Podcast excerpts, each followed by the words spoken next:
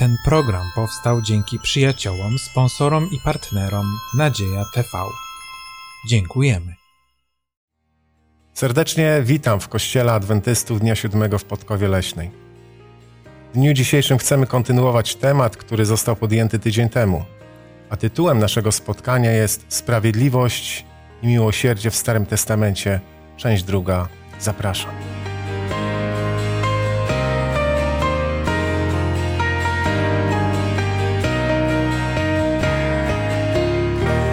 W dniu dzisiejszym w studium biblijnym uczestniczą wraz ze mną Małgorzata, Waldemar, Igor. Ja mam na imię Grzegorz. Z uwagi na to, że chcemy sięgać do Bożego Słowa, chcemy poprosić o szczególną Bożą obecność, o Jego inspirację. Chcemy poprosić Boga, aby był po prostu z nami poprzez modlitwę. Pomódlmy się. Boże nasz i Ojcze, bardzo Ci dziękujemy za ten czas, który możemy poświęcić na studium Twojego Słowa. Prosimy Cię o Twoje natchnienie, Twoje myśli i Twoją pomoc. W imieniu Jezusa Chrystusa. Amen. Amen. Amen. Moi drodzy, jak wspomniałem, chcemy kontynuować temat związany ze sprawiedliwością i miłosierdziem w Starym Testamencie. Bardzo często komentatorzy, osoby, które sięgają do Starego Testamentu, stwierdzają, że ich odczuciu Stary Testament jest księgą, którą, która przedstawia Boga bardzo sprawiedliwego, niekoniecznie miłosiernego. Czy jesteście gotowi, po, czy jesteście w stanie pogodzić się z takim stwierdzeniem, że nie ma tam Boga, który e, jest miłością, który mówi o miłości? No zdecydowanie nie mogę się z tym zgodzić, tym bardziej, że y, powiem szczerze, że ja poznałam Boga przez y, księgę Izajasza. To jest specjalna księga, która objawia przede wszystkim Boga miłości, ale y, w różnych księgach i może tutaj, może nie będę cytowała, ale powiem o piątej księdze Mojżeszowej, która faktycznie jest taką księgą, gdzie spisane są różne prawa, ale jest bardzo często wspomniane i to naprawdę porusza serce, sprawa ubogiego, wdowy i obcego przybysza. Jest mnóstwo takich tekstów, gdzie Bóg uczy Izraela, że trzeba o tych ludzi, którym, w jak, w któryś, którym z jakiegoś powodu się nie powiodło, trzeba pomagać. I to jest miłosierdzie i to jest tym bardziej ważne, że to jest miłosierdzie w praktyce. Mhm. To na pewno też jeszcze inny sposób przejawia się w inny sposób przejawia się ta, to Boże miłosierdzie. Kiedy mówi o prawie, to jednocześnie wkrótce zaraz potem następują słowa a zwróćcie się do mnie i są obietnice, co zrobi, jeżeli będą posłuszni i będą chcieli obcować z Bogiem i będą chcieli to prawo przestrzegać. Więc jakby dla równowagi, jeżeli jest dużo ostrzeżeń, jest przedstawiane to prawo, takie czy inne, bardziej rygorystyczne, konsekwencje, przestrzega przed konsekwencjami. Również jest bardzo wiele tych ciepłych obietnic, które mają jak gdyby zrekompensować tę konieczność jednak przystosowania się do prawa. Dziękuję Igorze. Proszę bardzo. Jest ciekawe, że, że Pan Bóg jest postrzegany w Starym Testamencie jako zbawca. I, I takie właśnie maluje go księga, pierwsza księga Mojżeszowa, księga, szczególnie księga wyjścia w ogóle, czyli, czyli druga Mojżeszowa, gdzie, gdzie pokazuje Boga, który nie tyle, że wyprowadza ich z Egiptu, ale wyprowadza ich cały czas z ich błędu. Prawda? I właśnie tu pokazane jest Boga, który, który naprawdę robi wszystko tylko, żeby, żeby właśnie tego człowieka podnieść, żeby, żeby dać mu życie. Oczywiście, jak najbardziej człowiek musi przestrzegać prawo, prawo Boże, ale, ale właśnie jest tak, że zawsze Bóg wychodzi naprzeciw. I, i, I, mogę tu przedstawić naprawdę większość historii Starego Testamentu, gdzie Pan Bóg wychodzi naprzeciw człowiekowi.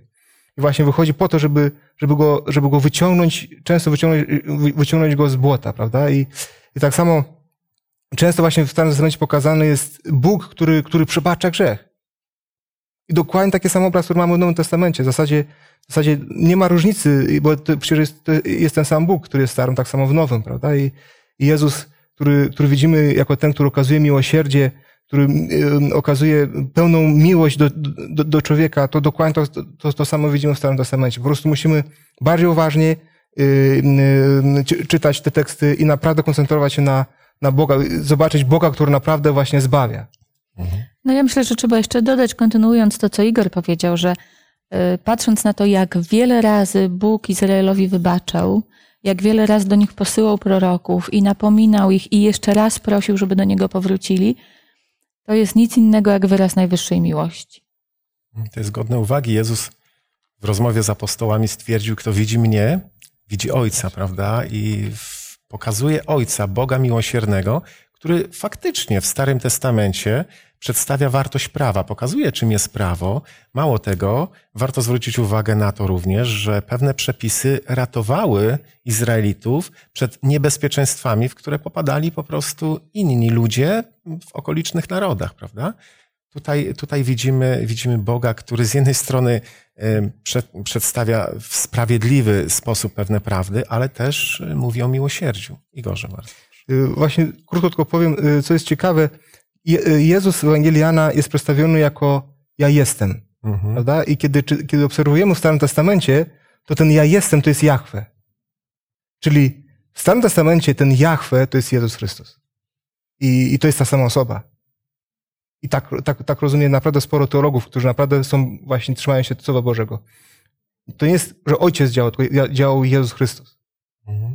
Stary Testament y, i Nowy Testament y, muszą być razem jakby brane, Dokładnie. brane pod uwagę, gdy myślimy o Bogu, gdy, gdy staramy się zrozumieć istotę, istotę Boga, jego, jego działanie. No dobrze, ale patrzymy na Pismo Święte. Już y, tydzień temu y, wiele tekstów Pisma Świętego wskazywało na te miłosierdzie Boże, prawda? Na to Boże działanie, na, e, na podejście Boga do człowieka, do jednostki. Dzisiaj troszkę będziemy mówili o szerszej grupie, o społeczności, e, o Kościele, ale zanim to zrobimy, ponieważ zaraz e, sięgniemy do pewnych fragmentów Pisma Świętego, które pokazują e, dwie takie ilustracje, przynajmniej dwie ilustracje, szczególne ilustracje, w których Bóg przedstawia się jako miłosierny Bóg. Mało tego, angażuje Kościół do pewnych działań, by to miłosierdzie i ta sprawiedliwość rozlewały się na cały świat. Ale zanim sięgniemy do tych fragmentów, do Księgi Ezechiela szczególnie, jeszcze jedno pytanie, y, takie chciałbym postawić Wam. Jak uważacie, czy Biblia jest księgą symboliczną? Jakie to ma znaczenie, jeśli jest? No częściowo na pewno jest i y, mamy wiele symboli w Biblii. W Nowym Testamencie, w Starym mamy przypowieści. Y, Bóg, prorocy, Bóg przez proroków w jakiś obrazowy sposób pokazywał pewne rzeczy. Czasami też po to, żeby y, no, po prostu przybliżyć i pomóc zrozumieć. Teraz widzimy szczególnie na te pokolenia, które przyszły. Jesteśmy pokoleniem obrazkowym. Mhm. Y, Jesteśmy nawet już pokoleniem filmowym. Wida, widać po młodzieży, że jeżeli nie przemawiasz obrazkiem, nie przemawiasz filmem, to do nich nie dotrzesz. Ale to jest dlatego, że obrazek po prostu lepiej przemawia. I czasami taka symbolika, gdzie widzimy obraz, pomaga nam o wiele lepiej, o wiele szybciej zrozumieć ten przekaz, który faktycznie Bóg chce nam przekazać. Mhm. Ja myślę, że, że przede wszystkim Pismo Święte jest historią. Historią e, Bożego Kościoła, historią ukazującą Boga w działaniu. E, Cała historia stworzenia i funkcjonowania to, to jest rzeczywistość. To trudno mówić o symbolice. Natomiast e, pewne kwestie wyrażane symbolicznie mają określić ogromną ilość wieków, które mi obejmuje.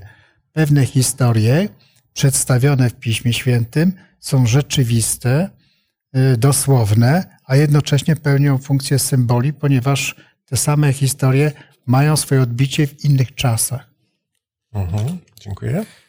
Jest- Istotne jest, że w księgach prorockich, y, szczególnie właśnie Starego Testamentu, y, właśnie jest dużo obrazów. Y, I, I co też istotne jest, że my musimy te obrazy też właściwie odczytać. To nie jest tylko tyle, że one są. I, i, i właśnie dzisiaj jest problem często, w jakiej formie możemy te obrazy odczytać. Tak? I z tym właśnie czasami się borykamy. Natomiast, jak zostało powiedziane, tak samo są, są rzeczy, które nie są obrazy. One są do, je trzeba je dosłownie rozumieć. I, i właśnie niektórzy padają w, jed, w, jedno, w jedną ekstremę, a niektórzy w drugą ekstremę. I to, I to jest problem, prawda? Dlatego musimy naprawdę wiedzieć, jakimi zasadami się kierować, kiedy, kiedy patrzymy na pewien tekst i jak go interpretować. Tak? I tu mi się wydaje, że, że no po prostu no, trzeba naprawdę mieć y, i wiedzę, no i oczywiście poznać Pismo Święte, w jaki sposób to, to można interpretować. Na szczęście Pismo Święte jak gdyby samo się interpretuje, czyli nie możemy sobie dowolnie interpretować. y, Takich y, sprytnych ludzi jest dosyć dużo w świecie. Mm, Ta interpretacja nie może odbiegać od interpre- same, samointerpretacji się Biblii. A ja bym jeszcze tylko dodała, bo pytanie to po co w ogóle symbole są w Biblii i po co Bóg czasami więc właśnie. obrazem chce nam coś przekazać. I tutaj dla mnie jest no, wstrząsającym przykładem chociażby y, ten urywek y, z księgi Ezechiela Dolina Wysłych Kości. Otwórzmy ten fragment, No, 37 nic, y, ja nie wiem, jaki opis, jaki tekst mógłby przedstawić to, co po prostu ten obraz Mhm. przedstawiony. To jest wstrząsające, ale wstrząsające też dzięki temu, że jest bardzo obrazowe. Mhm. Pomyślałem, że to może służyć jako kanwa pewnego horroru, prawda? Tak. E, Otwórzmy 37 rozdział Księgi Ezechiela. Myślę, że warto, żebyśmy przeczytali kilka wierszy, od wiersza pierwszego po szósty i na przykład dziesiąty, jedenasty. Jeśli mógłbym poprosić o przeczytanie. Spoczęła na mnie ręka Pana i wyprowadził mnie w swoim duchu i postawił mnie w środku doliny, która była pełna kości. I kazał mi przejść dookoła nich. A oto było ich bardzo dużo w tej dolinie i były zupełnie wyschłe. I rzekł do mnie, Synu człowieczy, czy ożyją te kości? I odpowiedziałem, Wszechmocny Panie, Ty wiesz. I rzekł do mnie, prorokuj nad tymi kośćmi i powiedz do nich, Kości wysłe, słuchajcie słowa Pana. Tak mówi wszechmocny Pan do tych kości. Oto ja wprowadzę do was ożywcze tchnienie i ożyjecie. I dam wam ścięgna i sprawię, że obrośnięcie ciałem i powlekę was skórą i dam wam moje ożywcze tchnienie i ożyjecie i poznacie, że ja jestem Pan. Wiersz 10, 11, jeśli mógłbym jeszcze poprosić. I prorokowałem, jak mi nakazano. Wtem wstąpiło w nich ożywcze tchnienie i ożyli i stanęli na nogach. Rzesza bardzo wielka. I rzekł do mnie, Synu człowieczy, te kości to cały dom izraelski. Oto mówią oni, uschły nasze kości, rozwiała się nasza nadzieja, zginęliśmy. Mhm. Prorokuj więc. Dziękuję bardzo. Ech, można by powiedzieć, że horror, prawda? Ezechiel zostaje przeniesiony. Warto, warto dodać, że e, Ezechiel zostaje powołany do służby w VI wieku i jest w Babilonie razem z wygnanymi Judejczykami. No i nagle pojawia się taka wizja. Ezechiel zostaje przeniesiony w dolinę suchych kości. Prorokuje na Słowo Boże. Te kości zaczynają się poruszać. Jak byście skomentowali tę wizję? Z pewnością to jest symbol, prawda? Ilustracja. No ale czego? Suche kości symbolizują umarłych. Szczątki po prostu kiedyś żyli, umarli, teraz są tylko kości.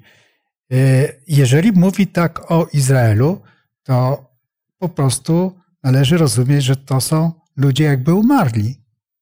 Znamy takie pojęcie, którym się posługujemy, gdy chcemy komuś powiedzieć, już nie żyjesz, choć jeszcze żyje, prawda?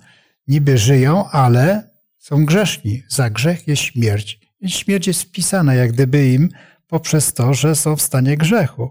Natomiast tutaj jest jakby obietnica i to jest coś niezwykłego.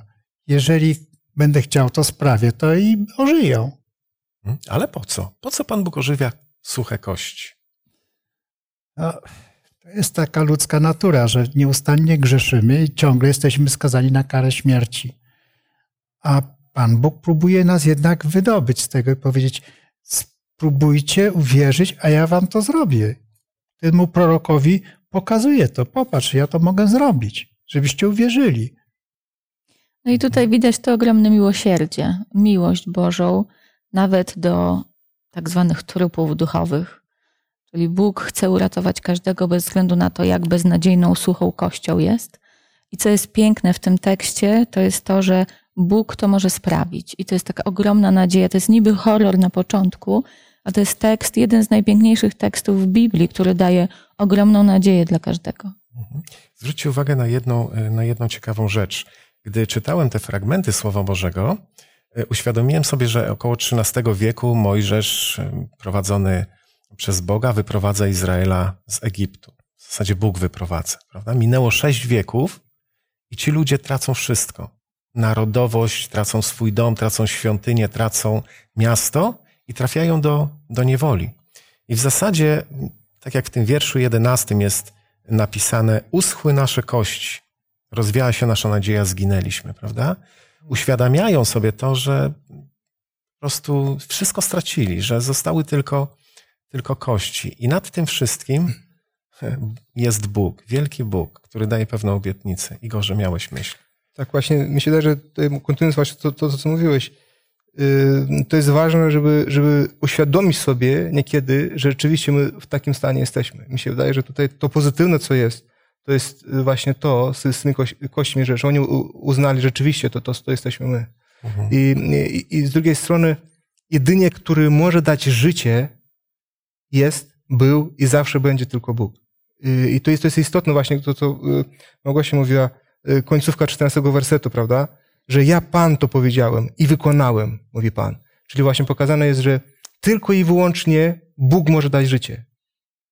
Życie fizyczne i tak samo duchowe. I On jest źródłem życia. I co to jest istotne, y, właśnie te słowa, które tutaj mówiliśmy, że ja tchnię was moje ożywcze tchnienie i, i, ożywie, i, i, ożywiecie, i ożyjecie, jest powtarzane z trzy albo cztery razy, myślę, cztery razy chyba jest powtarzane cały czas w tym naszym tekście. Czyli specjalnie Pan pokazuje, utwierdza, że rzeczywiście ja to, ja to zrobię i na pewno to zrobię dla was. Mhm. Ciekawe jest, że ten y, y, przykład jest bardzo aktualny. Ja ilekroć zadam pytanie komuś, no to czy będziesz zbawiony? Odpowiedź jest taka i utarła się w Polsce przynajmniej. No chciałaby dusza do raju, grzechy nie puszczają. Więc to tak jakby przypomina mi tutaj, prawda, ta wątpliwość, no uschły nasze kości, już straciliśmy nadzieję, prawda. Wielu ludzi, wierzących ludzi, e, nieważne jakiego kościoła, powtarzają często właśnie taki zwrot. Nie mają pewności, czy będą zbawieni, nie mają do końca takiej nadziei. Może dlatego też jeszcze bardziej grzeszą. Wydaje mi się, że Pan Bóg miałby nawet powód, żeby porzucić tych ludzi za to, co zrobili, za to, jak odrzucili Pana Boga, ale Bóg tego nie robi. To jest właśnie pokazane, ta, z jednej strony ta sprawiedliwość, z drugiej strony to wielkie Boże, Boże miłosierdzie. Dla mnie to ma również konotację z, pierwszą, e, z pierwszym rozdziałem pierwszej Księgi Mojżeszowej, Księgi Rodzaju, gdzie Bóg powołuje do życia Adama i Ewę, prawda? I tutaj również suche kości, które same nie mogą się połączyć. Bóg, Bóg tego dokonuje. Mamy inną ilustrację. Zanim to jednak zrobimy, zanim to jednak zrobimy, chciałbym tak, takie pytanie, na które krótko chciałbym, żebyśmy odpowiedzieli. Co to znaczy mm, ożywienie w Chrystusie dla nas dzisiaj żyjących? Ponieważ no, z tej historii na pewno płynie nauka dla ludzi dzisiaj żyjących. Waldemar już dotknął tego, tego zagadnienia troszeczkę, ale gdybyśmy tak powiedzieli, może mniej teologicznie, ale w mhm. taki sposób praktyczny, co to dla Was znaczy ożywienie w Chrystusie? To jest przekonanie w to, co mówi Pismo Święte, czyli żyć wiarą. Mhm. Czyli nie przejmować się, nie martwić się. Ja nie muszę zarobić na, na zbawienie, bo je, mam z łaski nam łatwiej niż Izraelitom w tamtych czasach, proszę zauważyć, bo oni jeszcze nie byli świadkiem tego, co uczynił Pan Jezus, prawda? Ale my już wiemy. Stało się, zbawienie jest naszym udziałem poprzez Chrystusa, my o tym wiemy. To przecież jakie proste jest. Przecież zbawienie jest z łaski.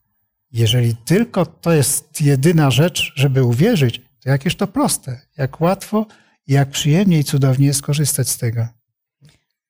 No mi się ożywienie też zawsze kojarzy z rośliną i z przenoszeniem owoców. Jeżeli y, roślina jest martwa, to usycha i nie ma na niej żadnych owoców. Jeżeli jest żywa, to rodzi owoce. I to ożywienie w Chrystusie też mi się zawsze kojarzy. Oczywiście zbawienie jest za darmo, z łaski. Ale jeżeli żyjemy, jeżeli Jezus faktycznie nas ożywił, to po naszych owocach będzie to widać. Mhm. mhm. Proszę. Jeszcze może dopowiem, e, e, może innymi trochę słowami jeszcze powiem. E, właśnie kiedy my staramy się czasami własnymi wysiłkami coś zrobić dla zbawienia albo dla Boga nawet, prawda? To musimy sobie dać, dać sobie sprawę, że, że właśnie to ożywienie, to w ogóle życie duchowe pochodzi tylko i wyłącznie od Boga. Z drugiej strony, ten tekst świetnie nam pokazuje, że wtedy, kiedy jesteśmy autentyczni, kiedy patrzymy na nasz stan i jacy my jesteśmy, przed Bogiem, przed Jego sprawiedliwością, przed tym, co On dla nas robi, to, to co może zrobić, kiedy widzimy, kiedy sami siebie widzimy, to wtedy dopiero zaczynamy właśnie wołać, Panie Boże, pomóż nam i na, dokonuj to w nas. I właśnie kiedy my dopiero widzimy nasz stan, dopiero wtedy Pan Bóg przychodzi do nas i mówi, dobrze, Ty ja użyję te Twoje kości, ja dam Tobie życie. I kiedy Pan Bóg daje życie, to to jest prawdziwe życie, to jest prawdziwe nawrócenie i On działa w nas i to jest dopiero jakby coś, co możemy przeżyć niesamowitą satysfakcję bycia naprawdę narzędziem Boga. To jest coś niesamowitego. Jeżeli ktoś to przeżył, to zawsze będzie chciał właśnie to, to doświadczyć. Właśnie bycia naprawdę w pełni, w pełni z Bogiem. Mm, Dziękuję za, za Wasze myśli. Będziemy do tego ciągle wracali, ponieważ ten temat współczesności dzisiejszego dnia jest aktualny i musimy, musimy szukać odpowiedzi na, na pytanie, e, jakie, jakie to ma dzisiaj znaczenie, prawda? Ale mamy też inną ilustrację. Biorąc pod uwagę tą Dolinę Kości, ja tu sobie wypisałem, e, można powiedzieć, wypisałem sobie cztery, cztery dwa imiona i dwa elementy, które w tym wszystkim się pojawiają. Imię Boże, Ezechiela, kości i zmiany. I tak to chyba w chrześcijaństwie działa, prawda? Bóg, człowiek, kości. Człowiek tak naprawdę musi w pewnym sensie umrzeć, żeby Bóg mógł coś z niego uczynić, prawda? Dokładnie. To nasze ja musi, musi umrzeć. I mamy inną ilustrację y, w 47 rozdziale Księgi Ezechiela. I myślę, że warto również, żebyśmy i w tym przypadku pierwszych osiem wierszy e, przeczytali z tego, z tego rozdziału. Potem zaprowadził mnie z powrotem do bramy przybytku, a oto spod progu przybytku wypływała woda w kierunku wschodnim, gdyż przybytek był zwrócony ku wschodowi, a woda spływała ku dołowi spod bocznej prawej ściany świątyni na południe od ołtarza. Potem wyprowadził mnie przez bramę północną i oprowadził mnie wokoło drogą zewnętrzną do bramy zewnętrznej, zwróconej ku, ku wschodowi. A oto woda wytryskała z południowej strony. A gdy ten mąż ze sznurem mielniczym w ręku wyszedł w kierunku wschodnim, wymierzył tysiąc łokci i kazał mi przejść przez wodę, która sięgała mi do kostek. I znowu odmierzył tysiąc łokci i kazał mi przejść przez wodę, która sięgała mi do kolan. I znowu odmierzył tysiąc łokci i kazał mi przejść przez wodę, która sięgała mi do pasa. A gdy znowu odmierzył tysiąc łokci, był to już potok, którego nie mogłem przejść, gdyż wody wezbrały, a były tak głębokie, że trzeba by było w nich pływać. Potok, którego nie można było przejść. Wtedy rzekł do mnie: Czy widziałeś to, synu człowieczy? Potem kazał mi iść z powrotem brzegiem potoku. A gdy wracałem, widziałem na brzegu potoku bardzo dużo drzew, z jednej i z drugiej strony. I rzekł do mnie: Te wody płyną w kierunku okręgu wschodniego i spływają w dół na step i wpadają do morza, do wody zgniłej, która wtedy staje się zdrowa. Dziękuję bardzo. Kolejna ilustracja, bardzo ciekawa w księdze Ezechiela, tym razem związana z wodą. No i pojawiają się ciekawe e, zagadnienia związane z wodą. Najpierw e, prorok stwierdza, że wody jest do kostek, później do kolan, później do pasa. E, Ta woda jakby wypływa ze świątyni, z jednego rogu świątyni. Pojawiają się jakieś drzewa. Ciekawe jest to, że ta wizja jest na ziemi. No i jak rozumieć ten symbol, tę ilustrację? Jak wy rozumiecie właśnie to, co Bóg tutaj przedstawia poprzez Ezechiela? E, Ile w tym jest miłosierdzia i sprawiedliwości? Przede wszystkim pierwsze takie odczucie to eschatologiczne, ponieważ mamy w Księdze Objawienia opis e, już w niebie, kiedy święci zostaną zabrani do nieba i tam jest przedstawiony ten element, ale w kontekście całego tego tekstu widać, że chodzi jakby o coś zupełnie innego, bo dalej, kiedy czytamy, to jest to, co jest bardzo ważne. Kiedy ostatecznie ta woda dochodzi do morza, to wówczas to zgniłe morze zaczyna być uzdrawiane. Każdy sobie łatwo może wyobrazić rzekę. Spływa od góry małym potoczkiem, coraz większym, wreszcie rzeka, prawda, i wreszcie wpada do morza. Jest ona słodka, prawda, i przy, taka tworzy się laguna gdzieś tam, prawda, i ona wchodzi w to morze, prawda, i w zależności od tego, jak mocna ta rzeka, jak wiele tej wody jest, tak coraz bardziej zajmuje to morze i tam zmienia tą wodę, prawda. E, Więc jeżeli sobie to wyobrazimy, że tą wodą uzdrowieni. Jesteśmy my, chrześcijanie. I my zaczynamy postępować jak chrześcijanie, czyli e, e, spożywamy dobre mm, owoce z tego drzewa, które tam rosną, prawda? Liście, które z tego drzewa, jak czytamy w objawieniu, uzdrawiają człowieka, więc chrześcijanie są uzdrowieni duchowo, zaczynają żyć duchowo inaczej i powodują to, że jako rzeka wpadają do tego nawet złego morza i zmieniają jego znaczenie. Jak pomyślimy sobie teraz powstanie chrześcijaństwa, pierwszy, drugi, trzeci do czwartego wieku, głównie, prawda, to widzimy tą niesamowitą falę mm, chrześcijaństwa, który zmienia cały świat. Zmienia cały świat. Jest coś niezwykłego. Y, rozchodzą się, prawda, ta woda, ta zalewa jakby ten świat y, ówczesny, rzymski i, i stają się chrześcijanie. No to jest coś niezwykłego. I tutaj takie wątki. Mhm, dziękuję bardzo. Czy dzisiaj y, ta woda również się wylewa z rogu świątyni? No to jest bardzo trudne pytanie, bo prawdę powiedziawszy, to można to bardzo łatwo rozpoznać po tym, czy, ta, czy to morze, do którego ta woda dociera, faktycznie jest uzdrawiana, czy nie. Y, czyli czy faktycznie mamy wpływ na ten grzeszny świat, taki jaki powinniśmy mieć. Czy jeżeli ludzie, z którymi się stykamy, widzą nasze inne zachowanie, y, patrzą tak na nas, żeby wielbić Boga w niebie i się zmieniają, to wtedy widać, że woda płynie, żywa, uzdrawiająca. Jeżeli ten świat pod naszym wpływem w żaden sposób się nie zmienia, to ewidentnie woda nie jest ożywiająca ani. Mhm, mhm. Jestem przekonany o tym, że y, ta woda wypływa nie jest to jakaś wielka, potężna jeszcze rzeka, jaką byśmy może chcieli. E, być może jest to potok, jest to moje subiektywne. na razie. Ale jest. Jeżeli powiedzmy sobie, że określiłbym przykładowo, że to będzie taka rzesza 20, może 40 milionów ludzi, którzy e, no, mają odmienione serca prawdziwie chrześcijańskie, którzy żyją życiem chrześcijańskim i ta grupa osób powiększa się, ciągle powiększa się. I mamy na to dowody, świadectwa, że ta grupa się powiększa. Ale w stosunku do tego morza, jakie jest ogromne, jest jeszcze jakby za małe. Ale mm, ja żyję obietnicą, e, także tu w Piśmie Świętym zawarto, że kiedyś będzie tak zwane wylanie Ducha Świętego, które spowoduje, że ta rzeka nagle zacznie bardziej przybierać i, i stanie się tą potężną rzeką, która będzie wpływać. E, także jestem przekonany, że tak, to się dzieje.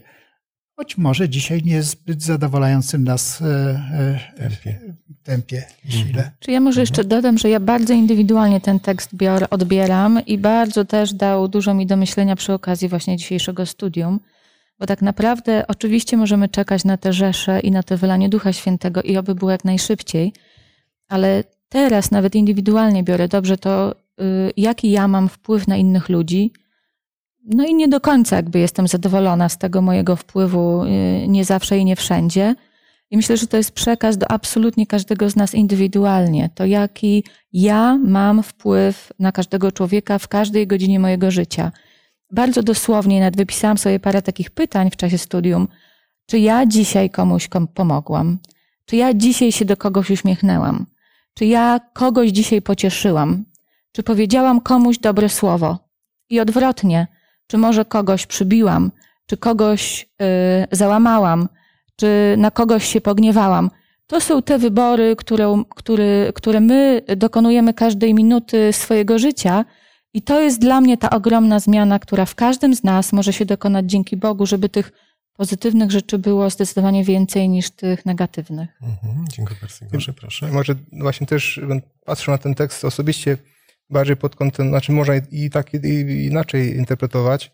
Natomiast ja bym, ja bym dla, znaczy dla siebie osobiście bym, bym patrzył właśnie z perspektywy tutaj indywidualnej, tak, że, że to jest tak jakby Bóg pokazuje, w jaki sposób człowiek się rozwija.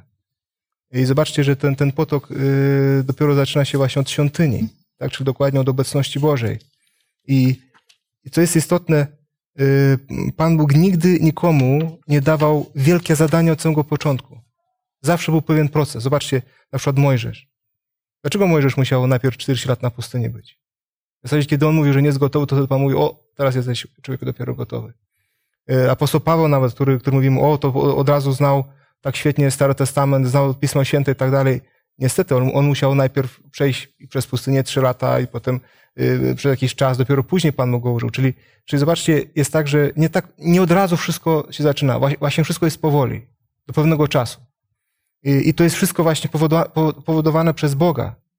Y, I my musimy zawsze rozumieć, że, że życie chrześcijańskie też jest pewien procesem, tak, który właśnie jest coraz głębszym, głębszym, głębszym i Pan Bóg w, w odpowiednim czasie zużyje na, będzie używał nas w pełni, tak właśnie jak, jak, jak ta rzeka, która wpływa już do morza i nagle w morzu wszystko, wszystko ożywia, prawda? Właśnie tak, tak, tak widzę, że to ilustruje dokładnie życie, życie też duchowe każdego człowieka. I tak samo właśnie świetnie właśnie Waldemar wcześniej przedstawił jako chrześcijaństwo, które się rozwijało, tak? Ale tak samo właśnie można zobaczyć to właśnie z perspektywy jakby rozwoju duchowego człowieka. Przyszła mi taka myśl y, indywidualna, że gdyby tak nagle zrobić coś, żeby telewizory przez miesiąc czasu w Polsce nie działały, żeby mógł je wyłączyć. No taka mi myśl taka ewangeliczna przyszła, jakby. Internet jest gorszy. Y, a może jeszcze internet także w parze, żeby, to może Polacy by się polubili bardzo? No ja myślę, że y, zakazami tutaj niewiele zdziałamy, bo żeby serce zmienić, to trzeba tą Ewangelię do serca y, przekonać Ewangelią, a nie zakazem, że czegoś nie wolno robić, bo osoba z sercem nieprzekonanym ze złej rzeczy wybierze drugą złą. Aczkolwiek pomysł jest bardzo dobry. Myślę, że jakby nie słyszeli tylu kłamstw, obłud i tego wszystkiego, to może zaczęli być bardziej szczerzy i uczciwsi.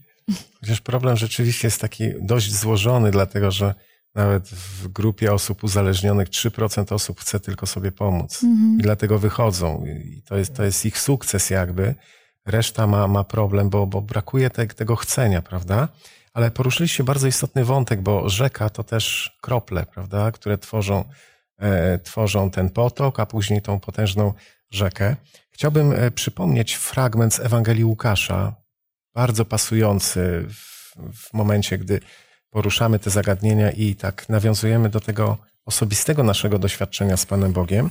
I tu mamy pewien fragment, e, chciałbym przeczytać z szóstego rozdziału wiersza od 43 po 45, który w zasadzie chyba charakteryzuje to, co już e, powiedzieliśmy. Nie ma bowiem drzewa dobrego, które by rodziło owoc zły, ani też drzewa złego, które by rodziło owoc dobry. Każde bowiem drzewo poznaje się po jego owocu, bo nie zbierają z cierni fig ani winogron z głogu. Człowiek dobry z dobrego skarbca serca wydobywa dobro, a zły ze złego wydobywa zło, albowiem z obfitości serca mówią usta jego. Przepiękny fragment i w zasadzie charakteryzuje to, to czego dotknęliśmy, bo mówimy, mówimy o zagadnieniu związanym z jednostką, z Kościołem i przede wszystkim mówimy o Bogu, który oddziaływuje i na jednostkę, i na Kościół. Ale mam takie być może dziwne pytanie, które chciałbym Wam zadać. Dlaczego Bóg posługuje się ludźmi? Przecież jesteśmy niedoskonali. Igorze, jesteś człowiekiem doskonałym? No nie jestem. No to jest w sumie bardzo proste pytanie, bo każda osoba, która e, gdziekolwiek e, pracuje dla innych ludzi, e, czy w kościele, odpowie bardzo, bardzo szybko. To jest błogosławieństwo przede wszystkim dla osoby, która to robi.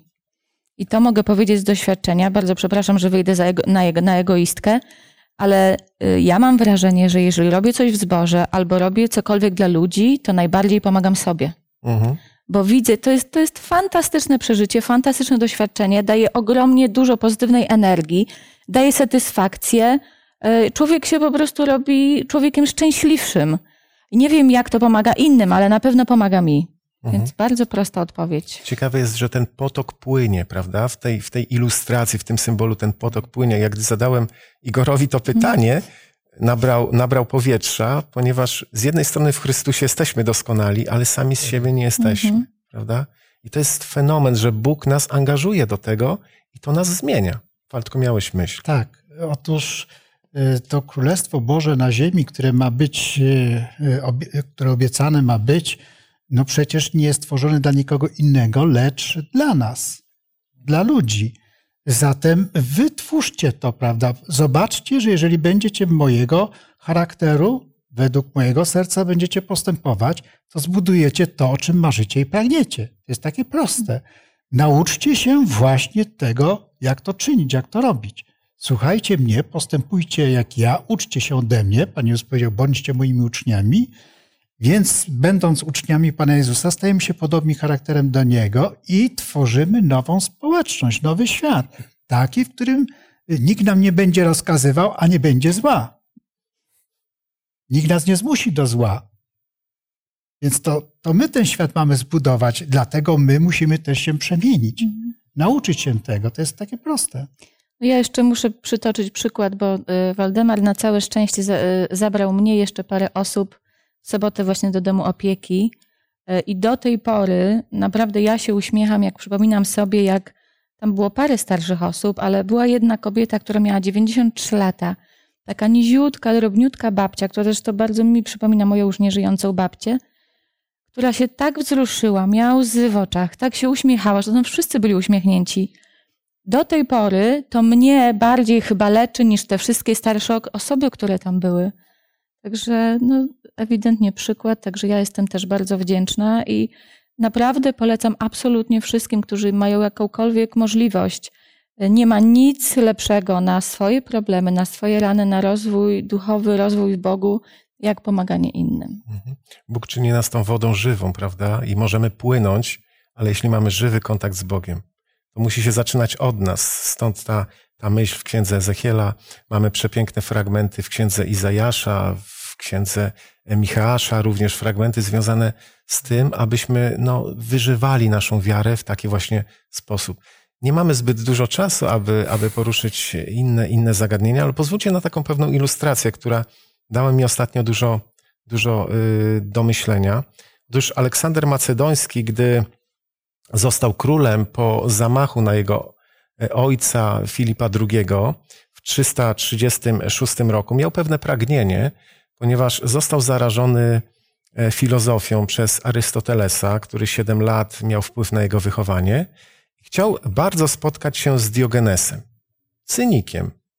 Diogenes nie miał niczego. Miał jedynie beczkę, w której nocował, wkładał tam troszkę słomy, ale i z tego rezygnował. I Diogenes pewnego dnia wygrzewał się na słońcu i twarz miał zwróconą prosto w słońce. Gdy Aleksander Macedoński dowiedział się, że właśnie w tym miejscu jest Diogenes, kilku dowódców wraz z nim przybyło do tego filozofa i stanął zwrócony twarzą do, do filozofa. Ten nawet się nie podniósł i taki cień zaczął padać na, na, na Diogenesa. Oczywiście Aleksander Macedoński stał e, plecami do, do słońca. No i król przedstawił się. Jestem Aleksander Macedoński. Powiedział troszkę o swoich planach. Był żądny bogactwa, władzy, sławy, podbojów.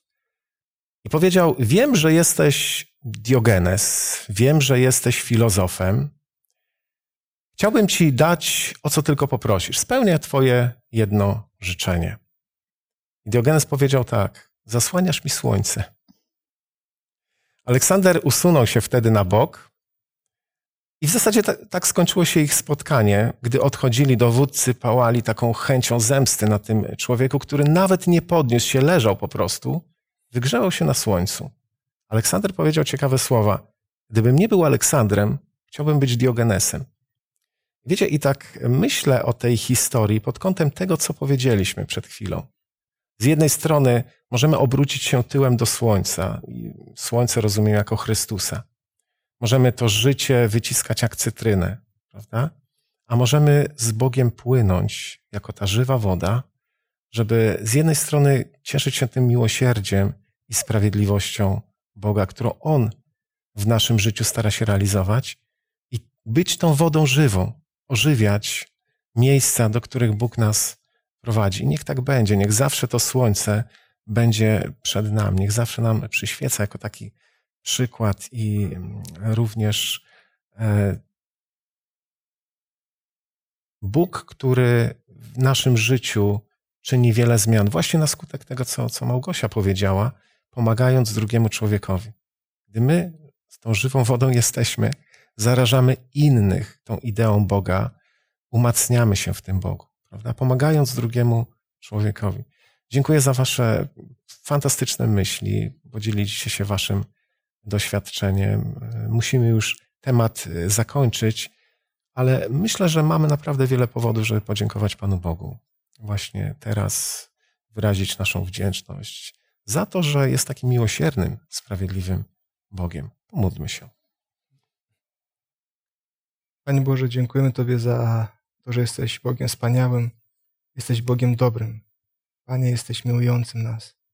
Panie, że Ty przedstawiłeś siebie tak w Starym, jak i Nowym Testamencie, Panie, taki sam, który zawsze stara się dać nam ratunek, który zawsze podnosisz nas z błota, z grzechu. Panie, byśmy mogli tak zawsze Ciebie widzieć, takiego zawsze Ciebie szukać, Panie. Panie, byśmy mogli też widzieć nas, w jakim stanie jesteśmy, byśmy mogli zawsze do Ciebie dążyć, Panie. Proszę, Panie, abyś Ty był w nas Twoim Duchem Świętym. Abyś Ty, Panie, był tym, który nas ożywiasz, który dajesz życie, bo tylko Ty jesteś źródłem życia. Tylko Ty, Panie, jesteś źródłem zbawienia. Tylko Ty, Panie, jesteś miłością. Panie, my Ciebie uwielbiamy i wyszamy, bo tylko Ty jesteś godzien czci. Niech będzie Tobie chwała na wieki, Panie. Amen. Amen. Amen. Szanowni widzowie, dziękujemy za Wasz udział w naszym studium. Mam nadzieję, że pewne myśli, które wyraziliśmy, były inspirujące i zechcecie spotkać się z nami w następnym tygodniu. W następnym tygodniu tematem, który będzie poruszany, Jezus i Jego służba na rzecz społeczeństwa. Zapraszam.